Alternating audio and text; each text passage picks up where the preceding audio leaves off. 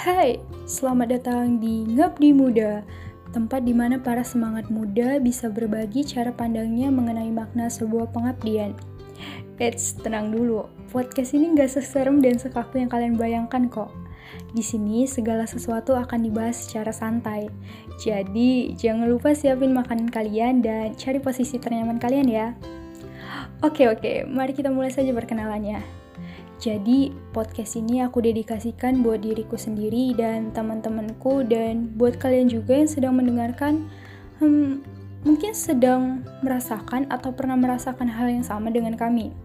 Jadi, berawal dari keresahan dan kegabutanku dan beberapa temanku yang sedang menjalani work from home, uh, dikarenakan ada virusnya corona ini, jadilah terbentuk podcast ini untuk mengisi waktu-waktu luang seperti di akhir pekan.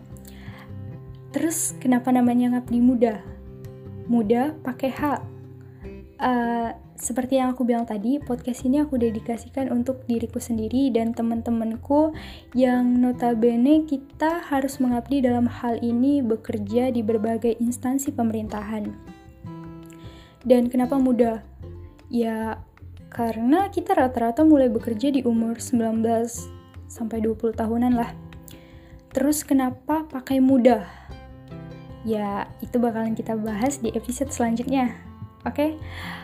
Di sini kita akan bahas bagaimana rasanya bekerja di usia muda, gimana lingkungan kerjanya, suka dukanya, dan banyak hal lagi yang mudah-mudahan bisa dijadikan referensi untuk mengenal instansi tersebut.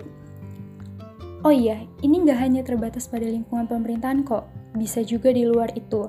Yang penting kalian punya hal yang bisa dibagikan tentang makna sebuah mengabdi bagi kalian. Dan episode-episode selanjutnya bakalan lebih seru nih, karena aku bakalan undang teman-temanku yang bekerja di berbagai kementerian atau lembaga negara buat berbagi perspektifnya tentang yang mereka rasakan selama sudah bekerja.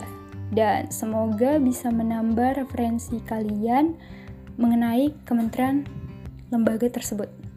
Jadi, selamat mengabdi muda-muda.